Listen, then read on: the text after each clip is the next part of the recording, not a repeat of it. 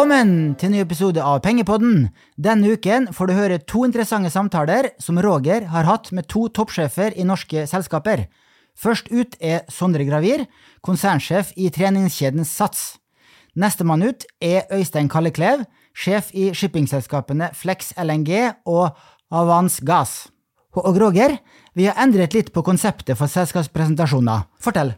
Det stemmer, Bjørn Erik. Altså, vi legger nå mer vekt på lederens personlige erfaringer og refleksjoner, i tillegg selvfølgelig til det å lære mer om industrien og diskutere kvartalstallene. Og jeg synes det var meget interessant å høre Sondre fortelle om hvordan Sats klarte å komme seg gjennom pandemien, og ikke minst Øystein dele av sin brede erfaring innenfor shippingsektoren.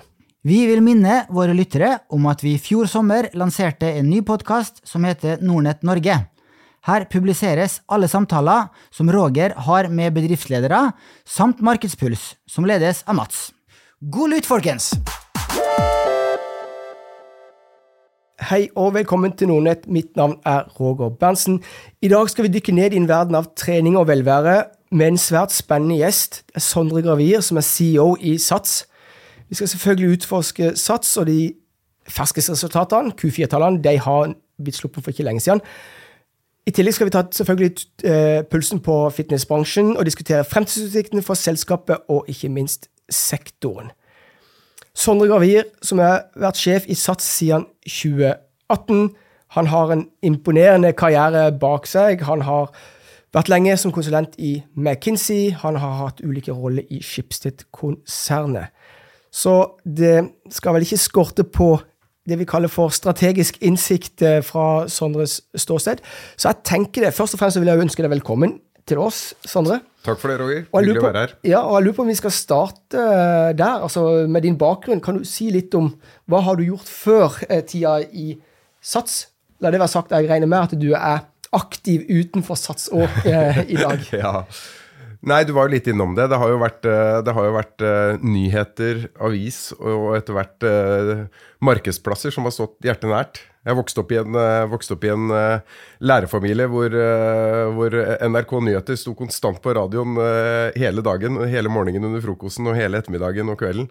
Så det å jobbe med nyheter og starte, starte veien både i å få lov å bli kjent med fantastiske kolleger både i Stavanger Aftenblad, Bergens Tidende og Aftenposten, det har vært, en, vært et privilegium. Nettopp. Og hvis du, hvis du dveler litt om konsulent eh, Din konsulentbakgrunn, altså ja. da er det vel i McKinsey? Ja. Altså Hvordan har dette vært med å forme, forme deg som person, eller?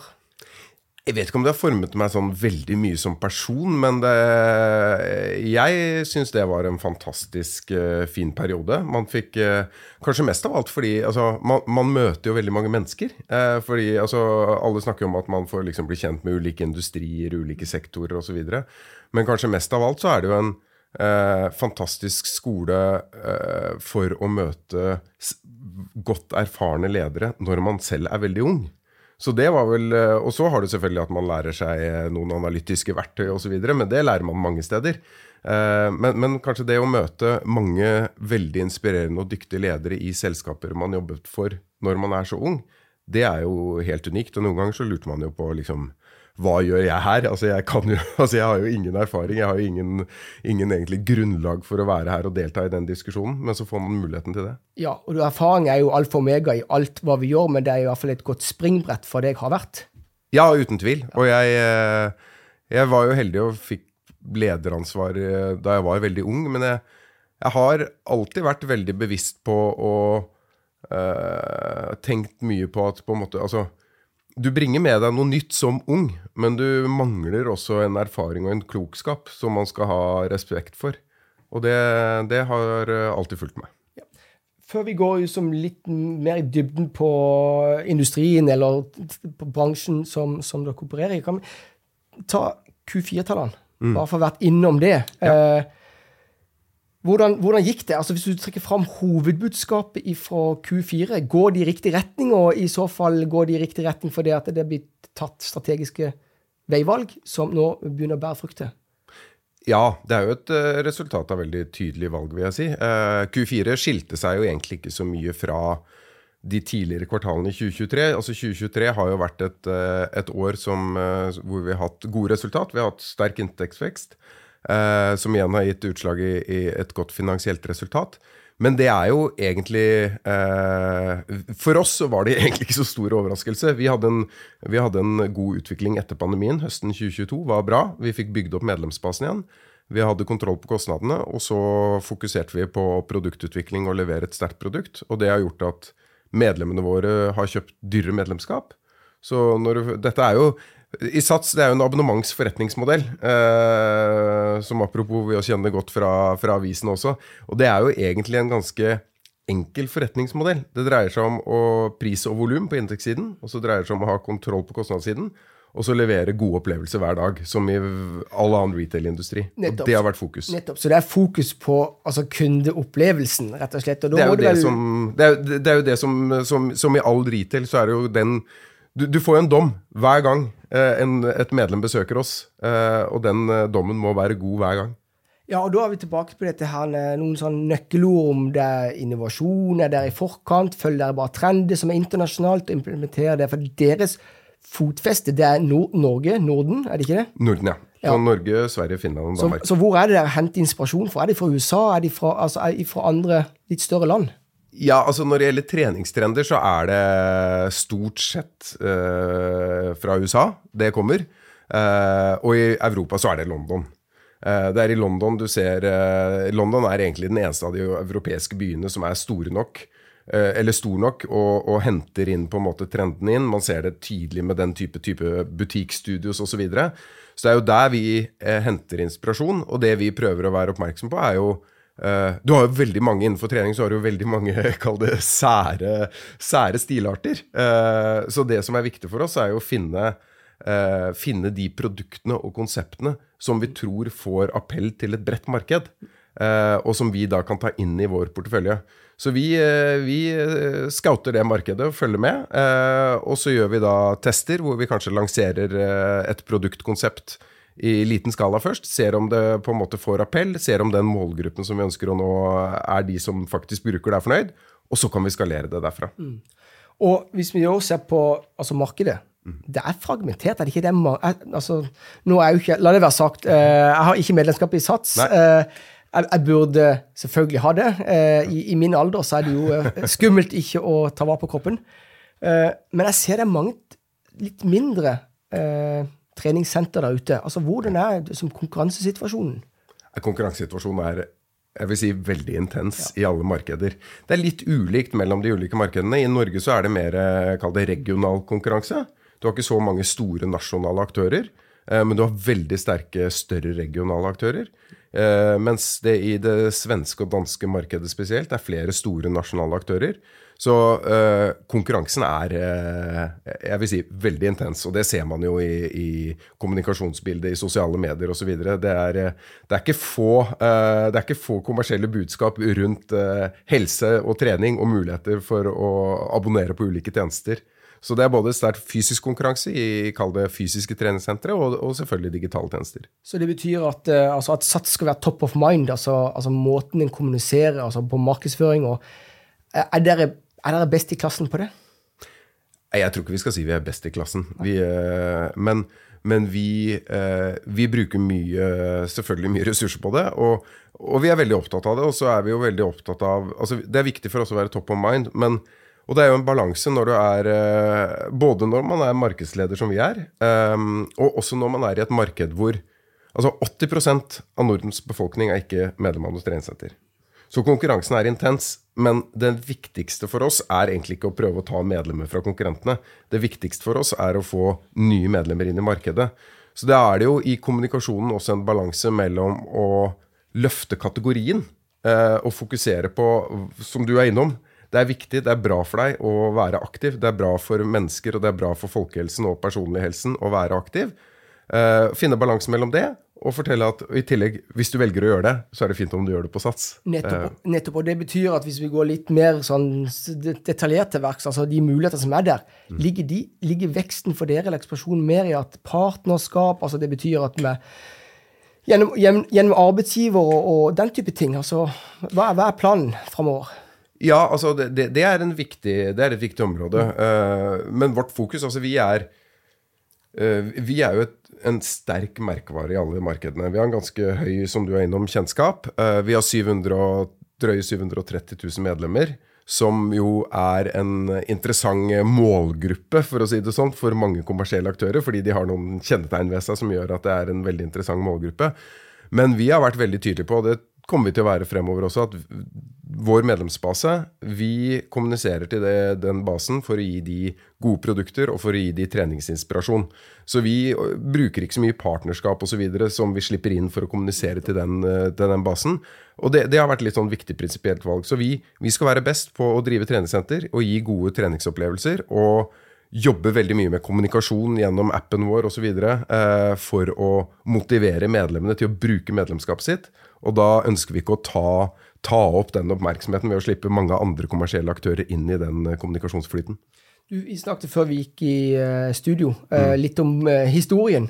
Ja. Eh, jeg kommer jo for et selskap som har en historie som strekker seg 26-27 år tilbake. Ja. Du sa at dere har òg en historie som strekker seg var det 30 år tilbake? Ja, det er, en, eh, det, er en, eh, det er en lang historie. Det startet jo, eh, det startet jo her i Oslo. Eh, Sats eh, startet her i Oslo eh, med noen få sentre i Oslo sentrum eh, som de første. eh, norske gründere. Og så kjøpte man opp eh, en kjede i Stockholm og ekspanderte der. Og så var det lenge et, egentlig et svenskbasert selskap.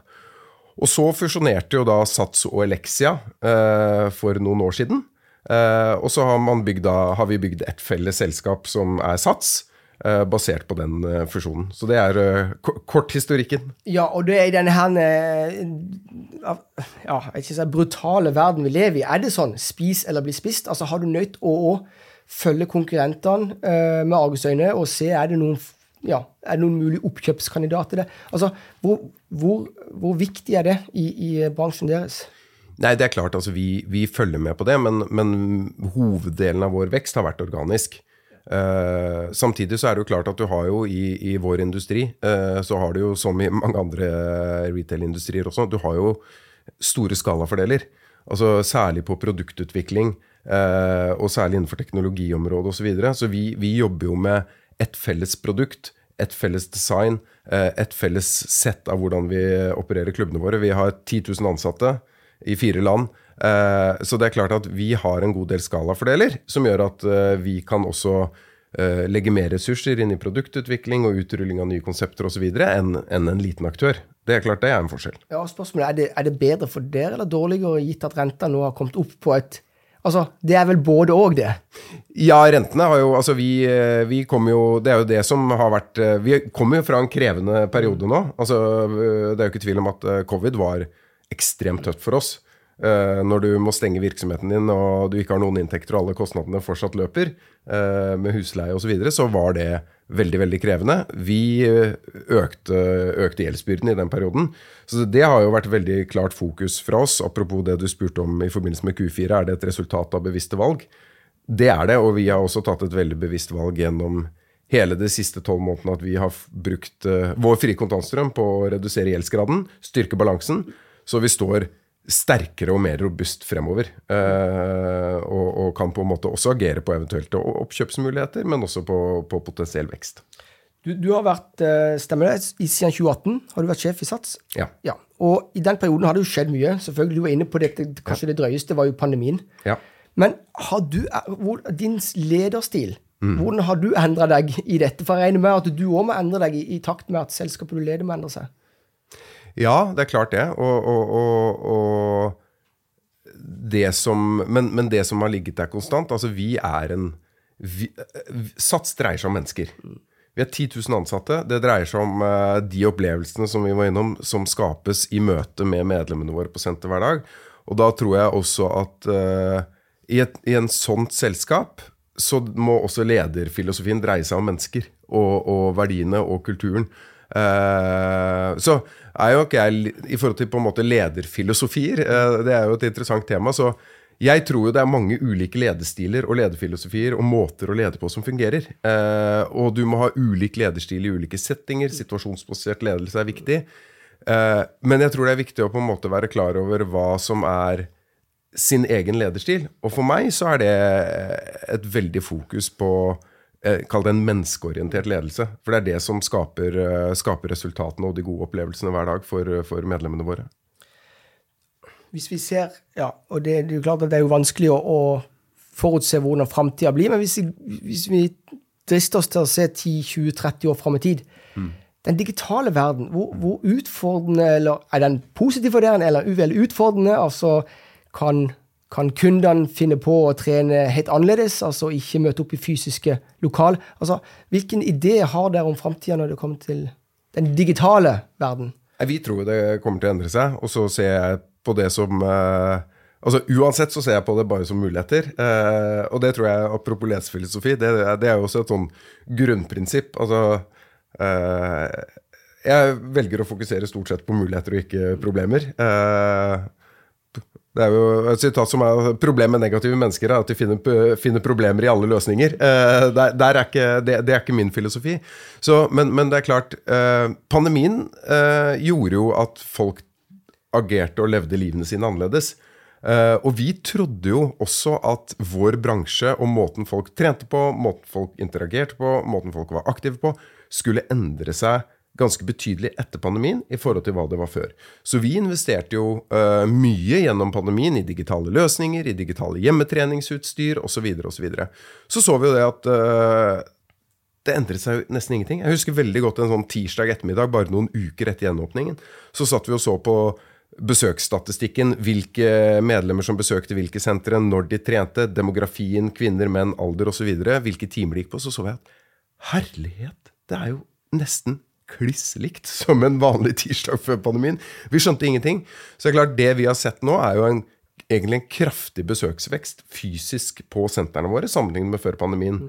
Så jeg tror det er veldig viktig å tenke på hva eh, digitale verktøy, ikke minst data og innsikt og analyse av store datamengder, hvilken innsikt det kan gi, hvilke muligheter det kan gi til å forbedre produktet osv. Men eh, for vår bransje så tror jeg i mange, mange eller i overskuelig framtid, så dreier nå trening seg om eh, Det er nå en fysisk opplevelse. Det er mange som gjerne skulle funnet en annen formel, men det er nå en fysisk opplevelse, og du må gjøre noe fysisk. Og så kan du bruke digitale verktøy for å støtte i den reisen.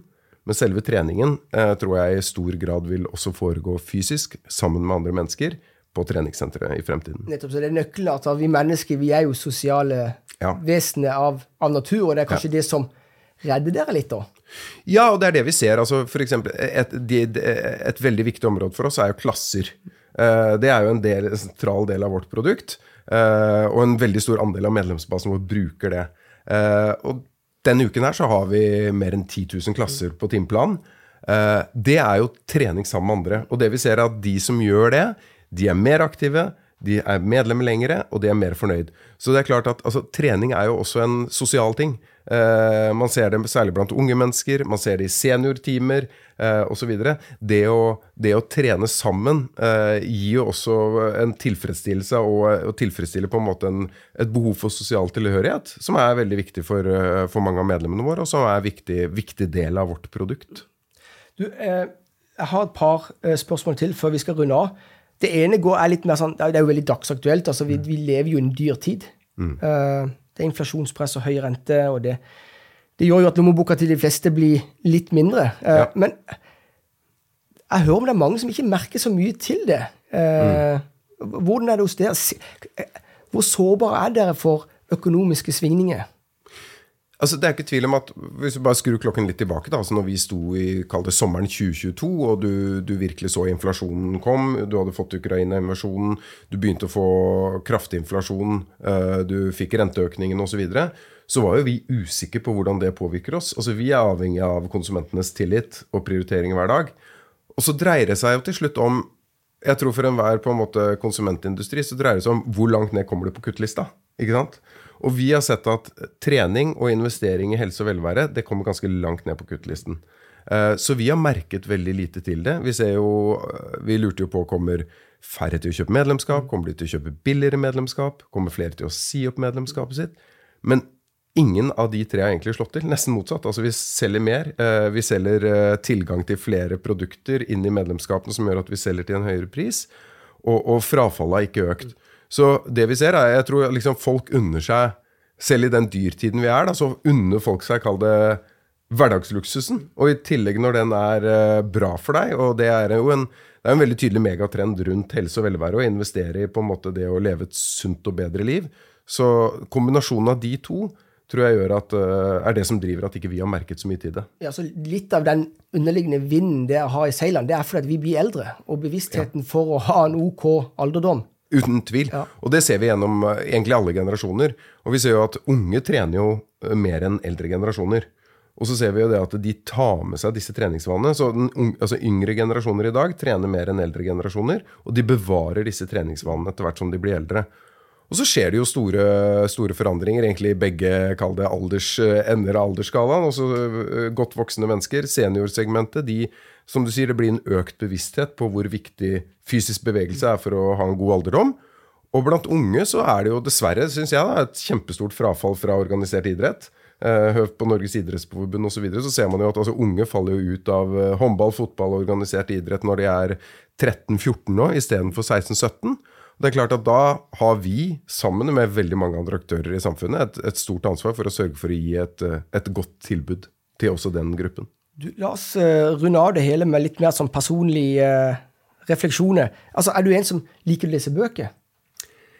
Jeg leser ikke veldig mye bøker, eh, det må jeg innrømme. Men noen bøker må du ha lest, som Absolutt. har, du, som har festa seg med deg. Er det noen du kan anbefale andre ut som har litt altså Nå, nå tenker jeg på den, den delen av seere og lyttere som er litt interessert i å gå i en karrierevei som kanskje du har gått. Eh, er det Ja. noe som, har, som du har anbefalt? Nei, jeg tror, altså, jeg må innrømme at hvis jeg, eh, hvis jeg skal på en måte hente inspirasjon, da, så bruker jeg mer podkaster. Eh, og, og, og det kan være YouTube-foredrag og den type innlegg, mer enn å lese tunge bøker om ledelsesfilosofi. Jeg har selvfølgelig lest mange, eh, og man har på en måte alle de store slagerne fra good to great og alle de kjente på en måte opp igjennom som man har lest.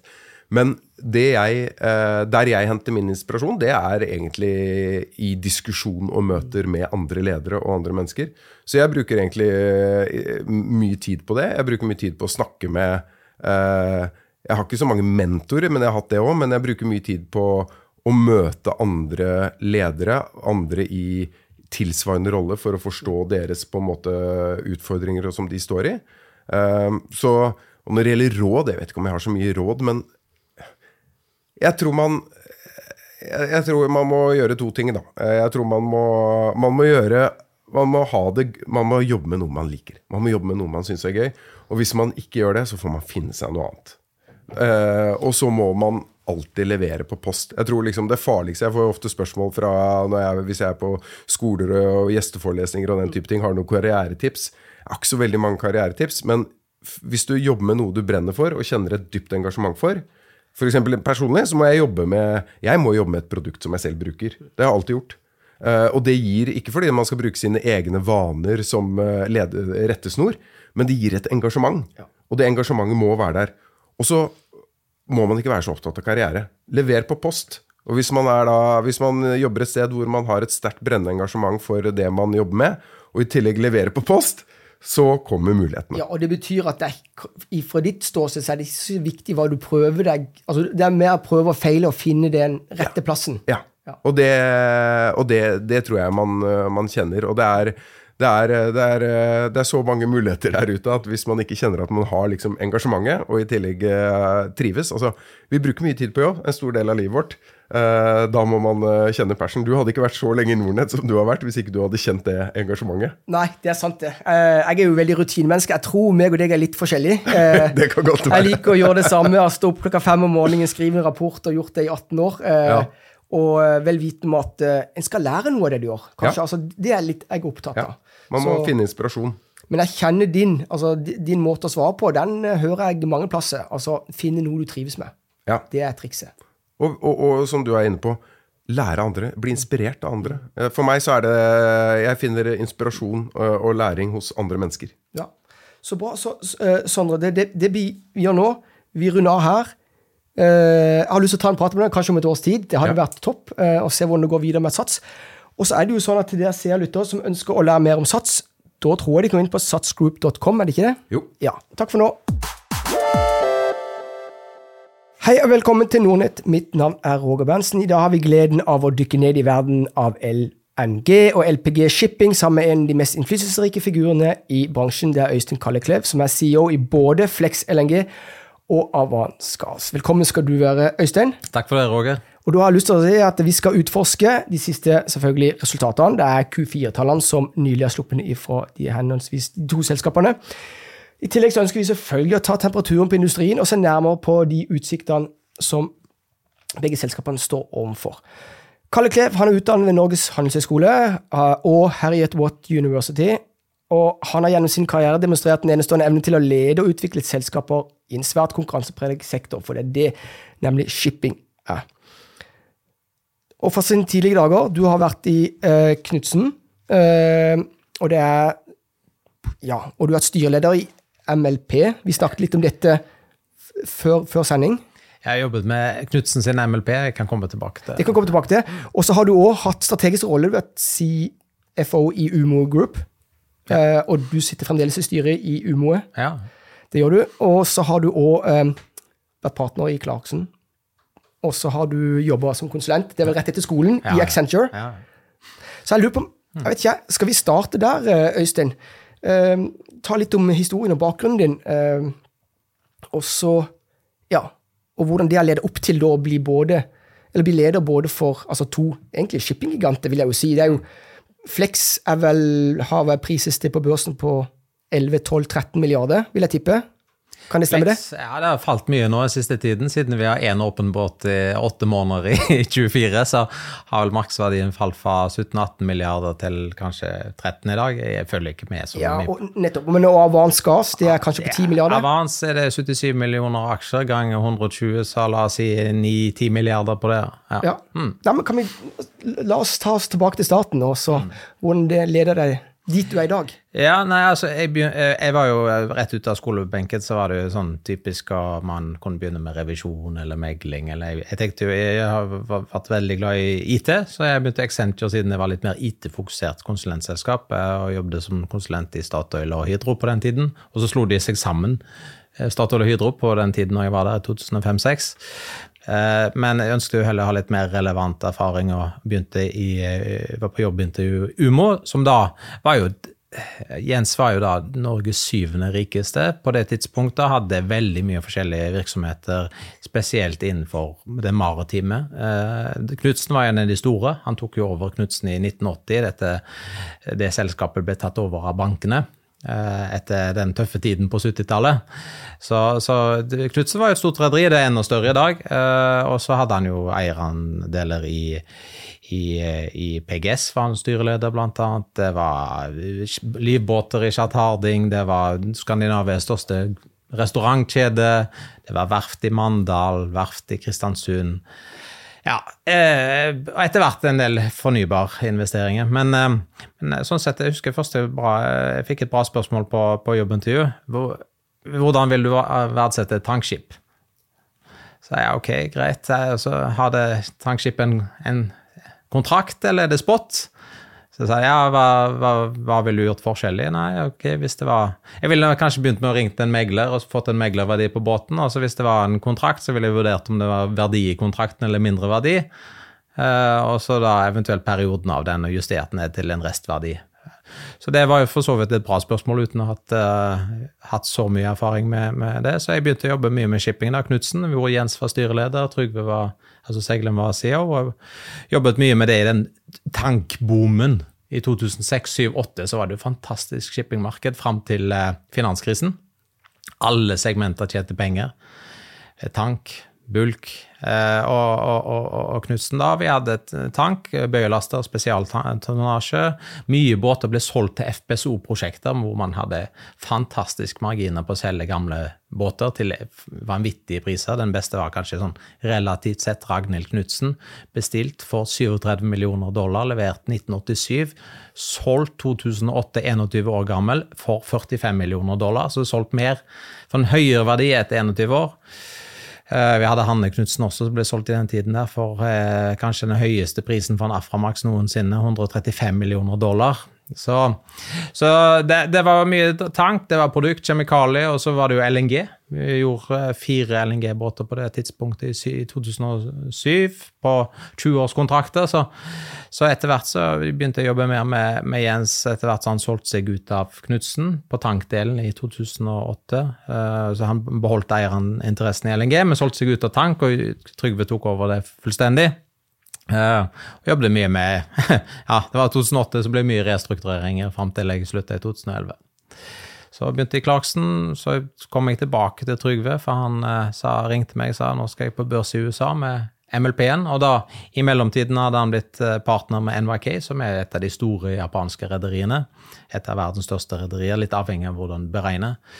Så da var jeg med på det, og hadde en eh, børsnotering av en MLP, sånn såkalt Master Limited Partnership, som vi vokste ganske raskt. Eh, og, og, og, hadde en veldig sterk vekst i, i, i, selskapet på den tiden, med både kontrahering av nye båter og kjøp av eh, annenhåndstonnasje.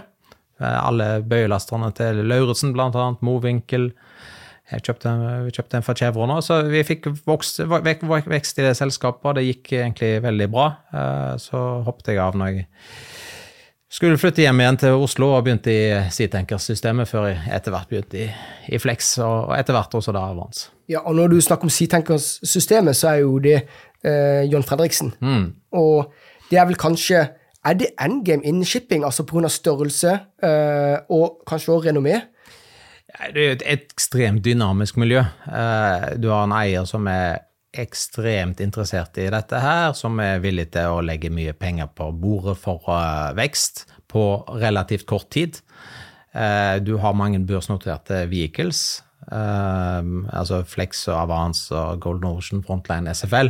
Så du kan liksom gjøre store transaksjoner, og, og vi samarbeider ganske tett. Uh, og så er det også en del transaksjoner som går ut av Seatankers, den private sfæren, da, hvor uh, kanskje ikke de børsnoterte selskapene akkurat er, har en anledning til å, å, vokse flåten. Da kan det gjøres i den private regi, og så kan man jo etter hvert se om, om det uh, er fornuftig å, å, legge inn skip i, i de børsnoterte selskapene. Det, det, skjer jo ganske ofte. Ja, så er det en annen ting, og det tror jeg vi, du har vært i studio mange ganger, Øystein, men det er vel òg en altså den bransjen, Skipperbransjen generelt, den er jo fragmentert. Men har han blitt mindre fragmentert, spesielt kanskje etterpå at finansiering for banker er jo mindre nå enn tidligere, eller ja. er, det, er, det, er, det, bare syklikaliteten? Jeg har hørt om dette nå i hvert fall 15 år, at vi skal bli mindre og mindre fragmentert. Eh, jeg har ikke sett så mye til det. Det er selvsagt blitt litt vanskeligere å bli mindre. Eh, en ting har med banker, at Før så lånte jo banker ut til alle. I dag så har gjerne banken en liste med 30-40 kunder som de ønsker å fokusere på. De kundene som ikke kommer inn der, de må da begynne med alternativ finansiering, som, som kanskje kan være dyrere. Å ha konkurransedyktig finansiering er veldig viktig i, i, i shipping med tanke på hvor kapitalintensivt det er. Nå har jo en del kinesiske leasing houses vært veldig aggressive på vekst. Kina har et stort handelsoverskudd. De er da long dollar, de må, og de resirkulerer dollaren gjennom banksystemet. Og da eh, har du sett en eksplosiv vekst i lånefinansiering fra leasinghusene, og de er gjerne ikke så picky med hvem de låner ut penger til.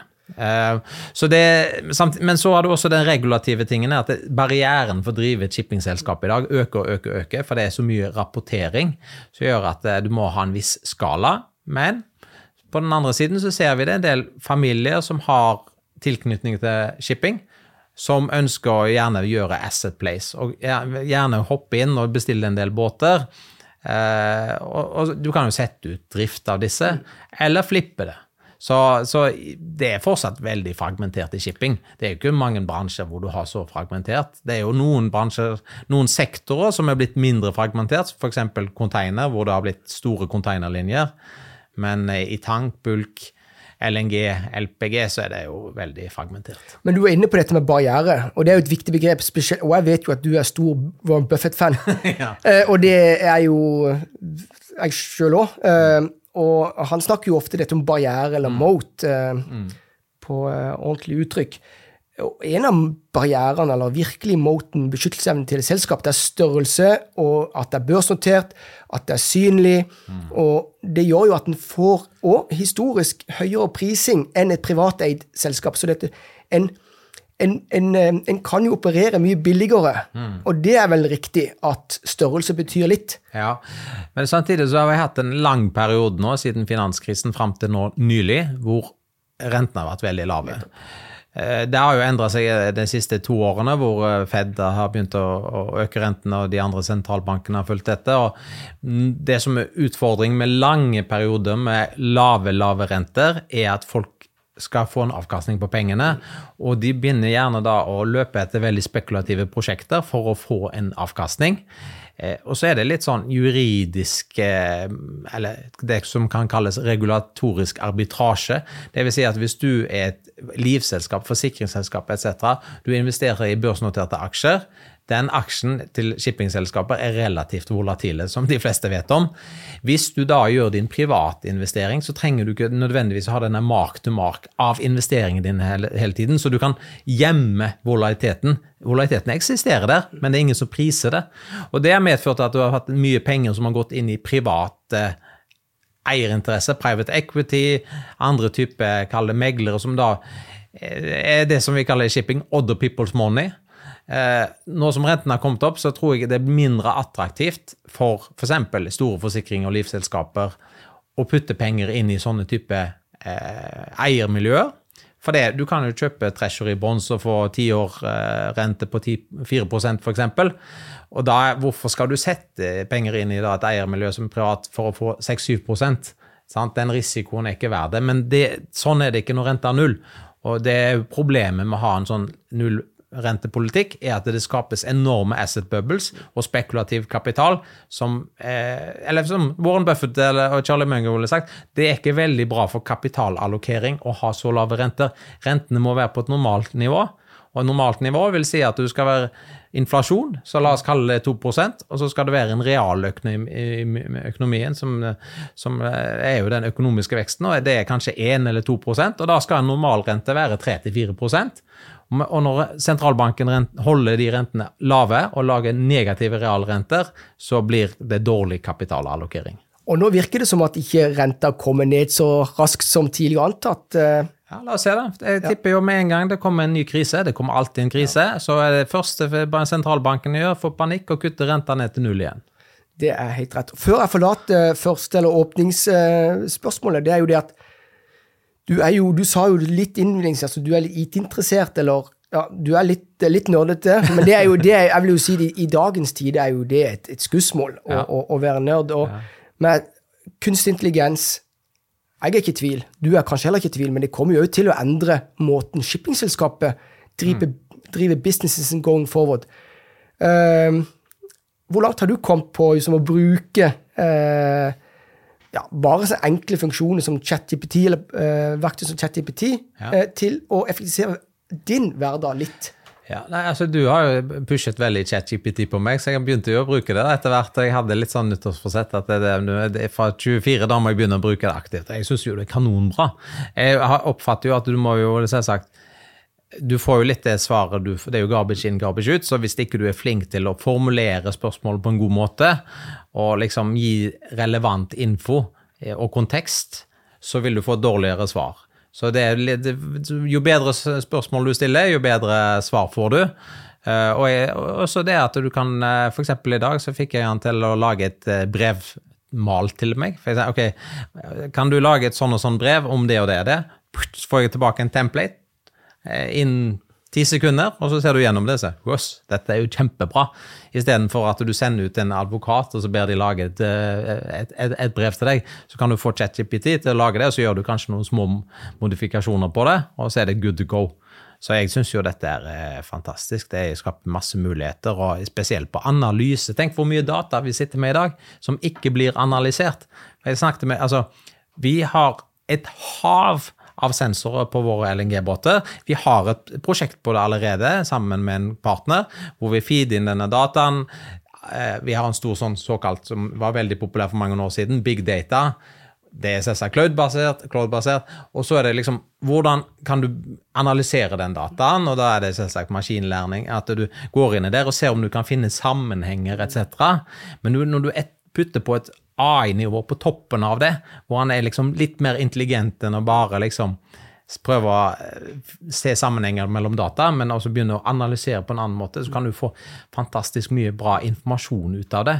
For I gamle dager så satt man med masse data, og så måtte en person sitte der og lage rapporter. Og så måtte de dra inn denne dataen og sammenligne den. Du kan slippe hele den prosessen. Denne, alle disse analysene kan bli selvautomatisert.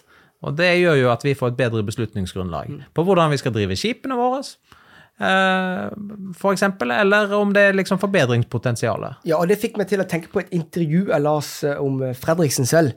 Og han, han var inn, Nå klarer jeg ikke å gjengi det korrekt, men han, han, ga litt uttrykk for back in the days. og så var det jo faksen som var name ja. of the game. Ja, ja. Telefaksen. Telefaksen, ja. Og vi er ikke der. så det er jo, altså, i, i dag, Men, men er sånn som kunstig intelligens, det å stille de riktige spørsmålene, er det det som er den nye faksen?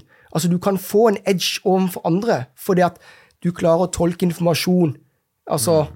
I, i, i, ro mak. Eh, jeg vet ikke. Nå, nå, nå jeg, tror fortsatt, jeg tror fortsatt eh, shipping er, handler om de gode relasjonene.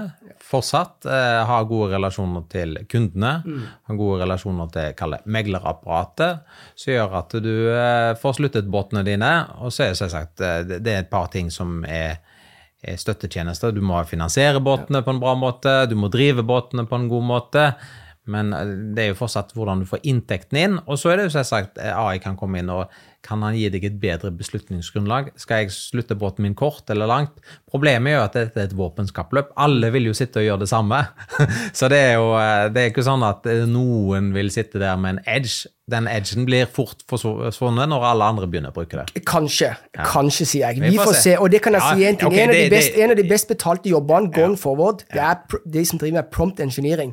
Og jeg tror jeg tror at når du får alt dette i sånne Enterprise-modeller, hvor ja. du kan sitte eh, i egne lokale og ha de beste hodene til å stille de beste spørsmålene Men det, det, er, nå, nå, det er, jo bare spekulasjoner, ja. men jeg tror at det er en edge for alle der ute. Det er jo et veldig godt bevis på at noen kan beholde den edgen så lenge, og det beste eksempelet på det er Renaissance Technology, mm. som er Er det Jim eller Bill Simmons? Det er Jim. Jim Simmons. Den boka for øvrig om han, The Man Who Solved the Market, er jo kjempebra. Og hvordan de da klarte å lage Det handler jo egentlig om datasett. De lagde en megadatasett med ulik informasjon fra all slags forskjellige typer ting. Vær, kornpriser, alt du kunne tenke deg, og så satte de det sammen, og så fikk de en algoritmer til å lese denne dataen, som da kunne hele tiden i sanntid lese informasjon og foreslå tradingstrategier. Og hadde, det ble jo så suksess at man valgte å betale pengene tilbake for hedgefondet, og kun drive dette hedgefondet for de ansatte, for avkastningen var så høy. Og dette har de klart i ekstremt lang tid å beholde den edgen. Så man vet aldri. Nei. Du, vet du hva? La oss hoppe derifra til å gå litt mer sånn på kort sikt. Du har vært ute eller det har vært ute med tall både for Avans og for Flex for Q4. Kan du ta oss gjennom altså, de viktigste punktene for de selskapene? Mm. Uh, utfordringer. Eh, altså, jeg tenker på i kvartalet som har vært. Har det vært noen utfordringer? Og kanskje litt om, eh, om, om utsiktene. Jeg vet ikke hvor langt fram i tid en kan se eh, for de to shipping-segmentene. Mm. Ja, la oss begynne med Flex nå. Nå er det en stund siden vi rapporterte. Vi rapporterte Flex 7. februar. Eh, kom inn med Vi hadde jo guidet på forhånd eh, veldig teit på revenues, 97 til 99, og så endte vi på 97, noe. Eh, så, så, det var jo i tråd med forventning. Og så hadde vi guidet hele året på eh, hovedsakelig tre parametere. Det var revenues 370, der leverte vi 371. Så hadde vi på adjusted EBDA på 290 295. der leverte vi 290. Og så hadde vi levert på snittfraktrate for året på ca. rundt 80 000, og vi leverte 79,5. Så det er jo en veldig stabil butikk. Vi leverer på, eller som vi skrev i en av slidene, 'What we say is what we do'. Det var litt inspirert av Herbjørn Hansen. det er noe han liker å si. Så, så, det er en veldig stabil butikk. Og så rapporterte vi nå eh, siste eh, måneden at eh, vi har fått én båt tilbake i 2024. Det var en båt som ble, gikk på kontrakt i mai 2021 for tre år, hvor, de hadde opsjoner opp til tre år. Den får vi tilbake nå i slutten av Q1. og så skal vi gjøre femårsdokking av den, så hun er klar for markedet en gang ute i april. Så det er den eneste båten vi har ledig i, på, på, kort sikt. Eh, vi er 94% booka for året. Og så har vi jo eh, fått beskjed fra befakter om to båter, Flex Resolute og Flex Courageous har blitt eh, forlenget fra Q1 25 til Q1 27, og så har befrakteren muligheten til å forlenge det en gang til til Q1 29. Så da har vi jo veldig, veldig bra dekning framover. Eh, vi har i utgangspunktet bare denne Constellation som er åpen i år. Så etter vi har dokket henne, så får vi se hva vi finner på med henne. Men ellers er det jo veldig lange kontrakter, rundt 50 år i snitt, minimum kontraktsdekning. Og med opsjoner så kan det øke til 70, og vi forventer en del av disse opsjonene blir erklært, sånn at det tallet ender nærmere 70 sannsynlig enn 50 år med, med backlog. Og det gir jo oss en, en, en veldig stabil inntjening. Eh, vi har jo også finansiert opp eh, selskapet på bak, bakgrunn av disse gode kontraktene, som gjør at vi sitter med en veldig stor kontantbeholdning, 411 millioner dollar, som gjør at vi også betaler ut veldig stabile, høye utbytter på 75 cent i kvartalet. Så har vi gitt noen ekstrautbytter fra, fra tid til annen. Eh, men, men, løpende nå så er vel eh, snittdividende de siste tolv månedene 3 dollar 12,5 cents. Og med tanke på aksjekursen har jo falt litt eh, siden vi rapporterer, så gir jo det et fantastisk eh, avkastning. Uh, aksjen er rundt 25 dollar. Snittutbytte de siste tolv månedene er litt over 3 dollar. Så det gir en stabil, god kontantstrøm til de uh, aksjonærene som ønsker det. Og det er jo primært amerikanske investorer som er inne i denne aksjen. De, uh, den aksjen er tredes i New York, og det er 90-95 av likviditeten i den aksjen er i US. Uh, og, og, og Nordnett-kunder. ja, det er litt i Nordnett, men det er ikke ja, men i antall. I antall, ja, i antall. Ja, Avans, Avans er jo mye mer populær ja, blant Avans, nei, Nordnett-kundene. Mm. Så dette er jo en litt sånn kjedelig aksje. Sitter og, og får et utbytte hvert kvartal, men det er jo et ganske godt utbytte og hyggelig å ha i, i, i både gode og dårlige tider. Men definitivt. altså Det der med den amerikan typisk amerikanske investoren, altså hvor det er yield play. Mm. Altså Vi ser jo det blant de som kommer inn på børs i dag og er unge, de òg søker et uh, stabile utbyttecase. Flott. Hvert kvartal så får du, får du, litt ekstra lønn. Men du, en ting, altså det, det, det, er to ting Et spørsmål som jeg tenkte altså, I Ctec, altså der, der er så, og du kan jo litt om alle disse her shippesegmentene. Um, vi snakket vel uh, vi har snakket et par ganger tidligere om det om at det med å skrive sånn aksjonærbrev sånn à la Warren mm. Buffett, ja. eh, hvor, hvor, eh, hvor, de i toppen kan liksom prøve å hegne om eh, investorene, for det er mange langsiktige investorer der ute. Ja. Eh, hvorfor er det ikke noe sånne årlige aksjonærbrev i, uh, i Seatankers-systemet? Ja. Det ville jo vært mest naturlig at det var på selskapsnivå i så fall. Okay. Eh, Farsi tenker seg et privat, så det er, sett, det er jo bare én aksjonær. Nettopp, og da kunne det vært Fredriksen selv som ja. uh, utforma det. Ja, men det ville ikke vært De er jo ulike selskapene har ulike aksjonærer, de har ulike interesse, inter, interesser, så det, det, Hvis det hadde vært et Kall det mer et sånn børsnotert Berkshire Hathaway, mm. eller Aker, hvor Røkke liker ja. å lage disse brevene, da da hadde det vært et børsnotert holding. Da tror jeg det kunne vært fornuftig. Men så lenge holding ikke er et børsnotert eh, selskap, så er det litt sånn spesielt å skulle skrive det til Og da er det på tide med succession. Altså om 20 år til så sier det seg sjøl at kanskje det bør børsnoteres. Nå ja, det, det, det får eierne tenke på. Jeg, jeg, har nok med å drive flex avans. Ja, jeg har bare lyst til å ta et sidespor. Jeg syns det er litt artig, for det, det er jo viktig å se lenger fram i tiden det vi selv skal leve. Det er jo det som kjennetegner de som For her er det jo skapt enorme verdier. Og det er, det jo, mange, det er jo enkelte shippingfamilier i verden som har skapt store verdier, men men det er jo vanskelig å få en fornuftig verdi på et holding. Det her ser du på Aker, som har fortsatt, sett til tross for Røkke nå tar hytta på privaten i, sted, i TRG istedenfor i Aker ASA. Og investor har alltid hatt en eh, konglomeratrabatt. Så det er ikke så lett å få et holdingselskap som eier eh, primært da, børsnoterte interesser, til å få en god prising på det. Mm. Det, det, er hovedutfordringen. Ja. La oss satse på at formuesskatten forsvinner, og at det blir litt mobilitet på de som faktisk er storeiere. Men det vil jo bare tida vise. Du vet vel kanskje dette. Hvordan er Berkshire Hathaway der? Er det noe særlig rabatt i forhold til underliggende verdier? Det er det ingen rabatt. Ikke i dag, nei. Nei. Og det tror jeg har noe med For det første så er USA altså, I for en kapitalistsystem så er det den beste plassen å være. Ja. Det er ulike forhold i ulike selvfølgelig, eh, stater. Men eh, formuesskatten er jo det som er hovedårsaken til at du kan etablere sånne store jeg vil si nesten evigvarende eh, lokomotiv som bidrar til å dra verden framover. Og ikke minst, husk på det, shipping. Det er vel noe dere er stolte av. Shipping er jo blodårene i verdensøkonomien. Ja, ja det er jo, du får ikke gjort så mye. det er 80-90% av alle varer fraktes med det. Verdiet tror jeg er rundt 50% For det er selvsagt mye av de dyre varene blir jo gjort med, med air freight. Eh, Men det, det koster mer, og Det er selvsagt ikke så godt for miljøet heller. Nei. Du, en annen ting. altså, Greit, to selskaper. Hvordan balanserer du tida di mellom de to selskapene?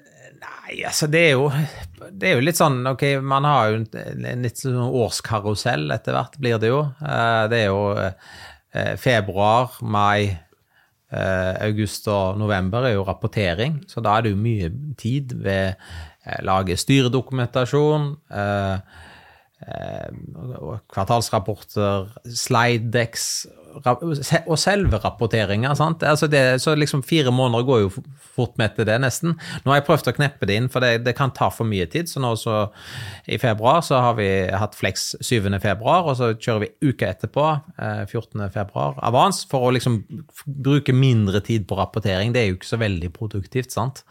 Eh, ellers er det jo det er jo mye av samme driver. Det har overrasket meg egentlig hvor mye like drivere det er, til tross for at det er to veldig forskjellige segmenter. Men man skal ikke glemme at en megadriver for begge segmentene er shale i USA. Og man, hvor mye vels man driller, hva man får ut av de brønnene, om det er olje, hvor stor andel er det med eh, NGLs, eh, altså det vil si etan, propan, butan, og hvor eh, propan, butan og isobutan er jo de, de driverne for LPG-markedet. Eh, og så er det metan, sant? hvor mye gass du får. Er det, er det våtgass, er det tørrgass? Så USA er veldig viktig for både LNG og LPG, hvor USA i dag er den største eksportøren av både LPG og LPG. Eh, LNG-markedsandelen deres er jo rundt 20% men på LPG så er det jo nærmere 50% Så hva som skjer i USA, både i forhold til drilling, det politiske i forhold til sant, Biden nå med moratorium, det er veldig viktig for begge segmenter. En annen ting som er viktig for begge segmenter, er Panama. Hva skjer i Panama-kanalen? Er det kø? Vannivåene er jo fortsatt veldig lave. Eh, Det er mindre eh, liksom, støy i dag om veldig for, høye priser for å gå gjennom Panamakanalen, Panama-kanalen, men det har jo gått opp veldig mye nå den siste måneden, fra liksom 200 000 til nærmere en million dollar. Så det, køproblemene vedvarer i, i Panama, og de vil vedvare inntil sommeren, hvor vi vet om det vi får en god regnsesong eller ikke. Så det har en driver for begge. Vi ser jo at en del av kundene opererer i begge deler. Altså nå som Chevron og Exxon er på full fart, liksom ekspanderer i shale, så er jo dette store kunder på LNG og LPG. sant? Eh, Suezkanalen har hatt påvirkninger på begge deler. For det er jo ofte hvis du tar USA, så for isteden Hvis ikke du går Panama, så går du gjerne Suez til eh, Asia. Men nå er det jo Cape of Good Hope istedenfor, som er alternativet. Så, og så er det jo selvsagt finansiering, det er de samme bankene som man stort sett snakker med. Investorer så er det jo gjerne litt forskjellige investorer. Avans er jo mer en norsk retail-aksje. Flex er mer en US retail-aksje. Så det har også har litt å si. Så det, det egentlig sånn utgangspunktet så er det jo Jeg har jo en eh, chief commercial officer som er chief commercial officer i begge selskapene. Så jeg bruker bruke mye tid sammen med han, Reiser med han, treffer kunder. Eh, og så har vi jo to forskjellige CFO-er i de selskapene. Så det er jo Jeg bruker ca. 50-50 av tiden min på, på, på selskapene. Og så er det jo selvsagt Det er kanskje litt overraskende, for i Flex så har vi veldig mye skip på lengre kontrakter. Men du har mer tid du må bruke på kunderelasjoner i, i, i Flex enn det som du må gjøre i Avans. Og det er kontinuerlig treffe kundene, høre hva de syns, om de har noen forbedringsforslag, om, om, om de har noen eh, behov for skip, og når de eventuelt skulle ha det. Så, så til tross for at det er mye mer kall det slutningsaktivitet i Avans, eh, så er det nok like mye tid som blir brukt på Flex, og hvor vi det også bruker mer tid på det tekniske. For det at disse båtene hele tiden er 100% oppetid, det er kritisk i LNG-bransjen. Ja, Det betyr at hvis du eh, jo som alle selskapene i ulike kvadranter. Dere er i motsatt ende av den kvadranten Elon Musk er i, hvor det handler om visjoner, langsiktighet. Ja. Dere må ha et sterkt og godt forhold til kunden. Eh, og i, som du sier, i mange tilfeller så er kunden den samme i flere segmenter. Ja. Og, og det er kanskje litt name of the game for deg. Ja, og så er det sant, altså, det det er jo begrensa hvor liksom mye du kan differensiere produktet ditt i eh, shipping. Altså det er en, det er en skute Disse skutene kommer ut fra samlebånd i Korea, eventuelt Kina. Alle skutene er stort sett de samme, du kan gjøre noen små endringer her og der, men når du går til f.eks. Hyundai eller Hanva altså, Det er ekstremt begrensa hvor mye endringer du får gjøre på det, og hvis du skal gjøre det, så koster det skjorta. Så det, de fleste eiere har like skip. Eh, du har et crew om bord. Så liksom den differensieringsfaktoren du har, er når skal du kjøpe og selge skip, som er liksom hvordan skal du spille sykkelen. Eh, hvilken kvalitet kan du gi kunden, da i forhold til både det operasjonelle, men også kommersiell eh, relasjon, med at liksom du er en, ikke bare en, en, en, eh, leverandør, men også en rådgiver, kanskje. Så det, det er jo bare de tingene liksom du kan justere litt på. Og så er det selvsagt du kan være kanskje litt flinkere til å presentere budskapet ditt til investorer, som gjør at, eh, at, eh, at du får en bedre prising. Eh, Vi prøver jo å være veldig eh, aksjonærvennlig. Vi betaler ut det vi tjener. Og så ser du, som har vært veldig åpenbart i denne ørningssesongen, som Håvaldsen i Pareto har vært veldig på, på, på, på ballen på, er at det, blir de selskapene som ikke blir drevet i aksjonærenes interesse, holder tilbake penger. Eh, hvor du ikke vet hvor de pengene skal gå. De blir straffa knallhardt av aksjemarkedet med at aksjene deres går rett ned etter kvartalspresentasjon, mens de som leverer tilbake utbytter, er disiplinerte på kapitalen, de blir belønnet. belønnet. Og det er sånn det bør være. Ja. Du, Hvis vi skal runde det hele av, altså prøve å reflektere litt altså, Hvis du skulle gitt litt råd til deg sjøl, altså som en ung, ung Øystein, Ja. altså, hva, skulle du gjort noe annerledes? Altså, ha- er du, har du landa på riktig plass? Altså, hvor, altså hvor viktigheten av å, å, å jobbe med noe som er gøy, Ja. hvor, hvor, hvor viktig er Ja, det? nei, altså, jeg tror det er viktigst er å finne en jobb hvor du har en int- eh, genuin interesse. Så hadde jeg jobbet med noe helt annet, så så jeg ikke var interessert i, så hadde jo ikke det gått veldig bra. Du hadde møtt opp på jobb og Og da vil, jeg, da vil jeg ta noe jeg beit meg merke i et tidligere sesjon vi har hatt her i studio. Du snakket om at du spilte dataspill eh, i tenårene. Et shippingspill eh, som kanskje var med og faktisk tilte deg i, i den retninga. Ja, små tilfeldigheter. Men det er jo også det at shipping er et, et internasjonalt miljø. Det er veldig spennende. Du, du kan bla i Financial Times hver dag. Altså er det renten opp i India, eller eh, man gjør noe i Kina eller USA. Altså, det har en innvirkning på, på, på shippingmarkedet, eller om det er El Niño, La Niña. Altså, sant? Så det er et veldig interessant sånn faglig miljø, miljø med at liksom, ting som skjer, globale events, har veldig stor påvirkning. Hvis, at, at, at eh, Fed øker renta i USA, det har ikke så mye å si for hvis du selger pizza på Domino's. Altså det, det, I shipping så har alle sånne ting har en påvirkning. Også teknologisk utvikling, for vi også er jo hele tiden avhengig av å forbedre det produktet vi har. Topp. Øyst, Øystein, og da tenker jeg at vi tar, setter strek der for den gang. Neste gang så har jeg lyst til å ha tema India, for India er jo en ny drivkraft i verdensøkonomien som Ja. kanskje eh, kan påvirke den businessen dere driver i. Ja, altså India hadde jo en vanvittig vekst på LPG-import eh, i fjor, spesielt i fjerde kvartal, så det, vi ser at, at det er et marked. Og, og nå som LNG-prisen er kommet ned på et normalnivå, så er jo også importen av LNG også på full fart oppover. Ja, og hvem vet, kanskje veksten i Kina fortsetter. Én ting er sikkert, de store selskapene med Microsoft og Apple og Tesla i spissen, de ønsker å få fart på indisk økonomi, Ja. eh, og så får vi se om de lykkes med det. Ja, Utfordringen med Kina er at de her snakker med to tunger. og Det ene er at de ønsker at uh, stimulere til økonomisk vekst igjen, men samtidig så er man veldig aggressiv på å kalle krekk ned på selskaper og entreprenører som gjør at viljen til å investere er veldig lav. Ja, i Kina. Ja. jeg eh, beklager, jeg mente India. Ja. okay, ja. Og da blir det. Men ok, nå setter vi, eh, nå setter vi strek for denne gangen. Og hvis dere seere eh, vil lære mer om både Flex og Avans, så kan de vel gå inn på flexlng.com eh, og Avans Skal vi se, hva har jeg? Avansgas.com. Ja, veldig okay. enkelt. Okay. Yes, takk for nå. Takk, takk for nå.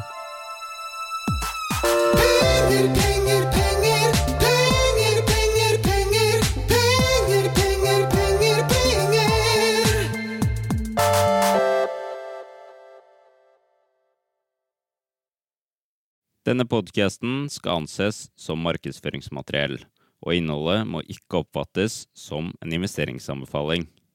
Podkasten er kun ment til inspirasjon og informasjonsformål. Nordnett tar ikke ansvar for eventuelle tap som måtte oppstå ved bruk av informasjonen i denne podkasten. Les mer på disclaimer-siden på nordnett.no.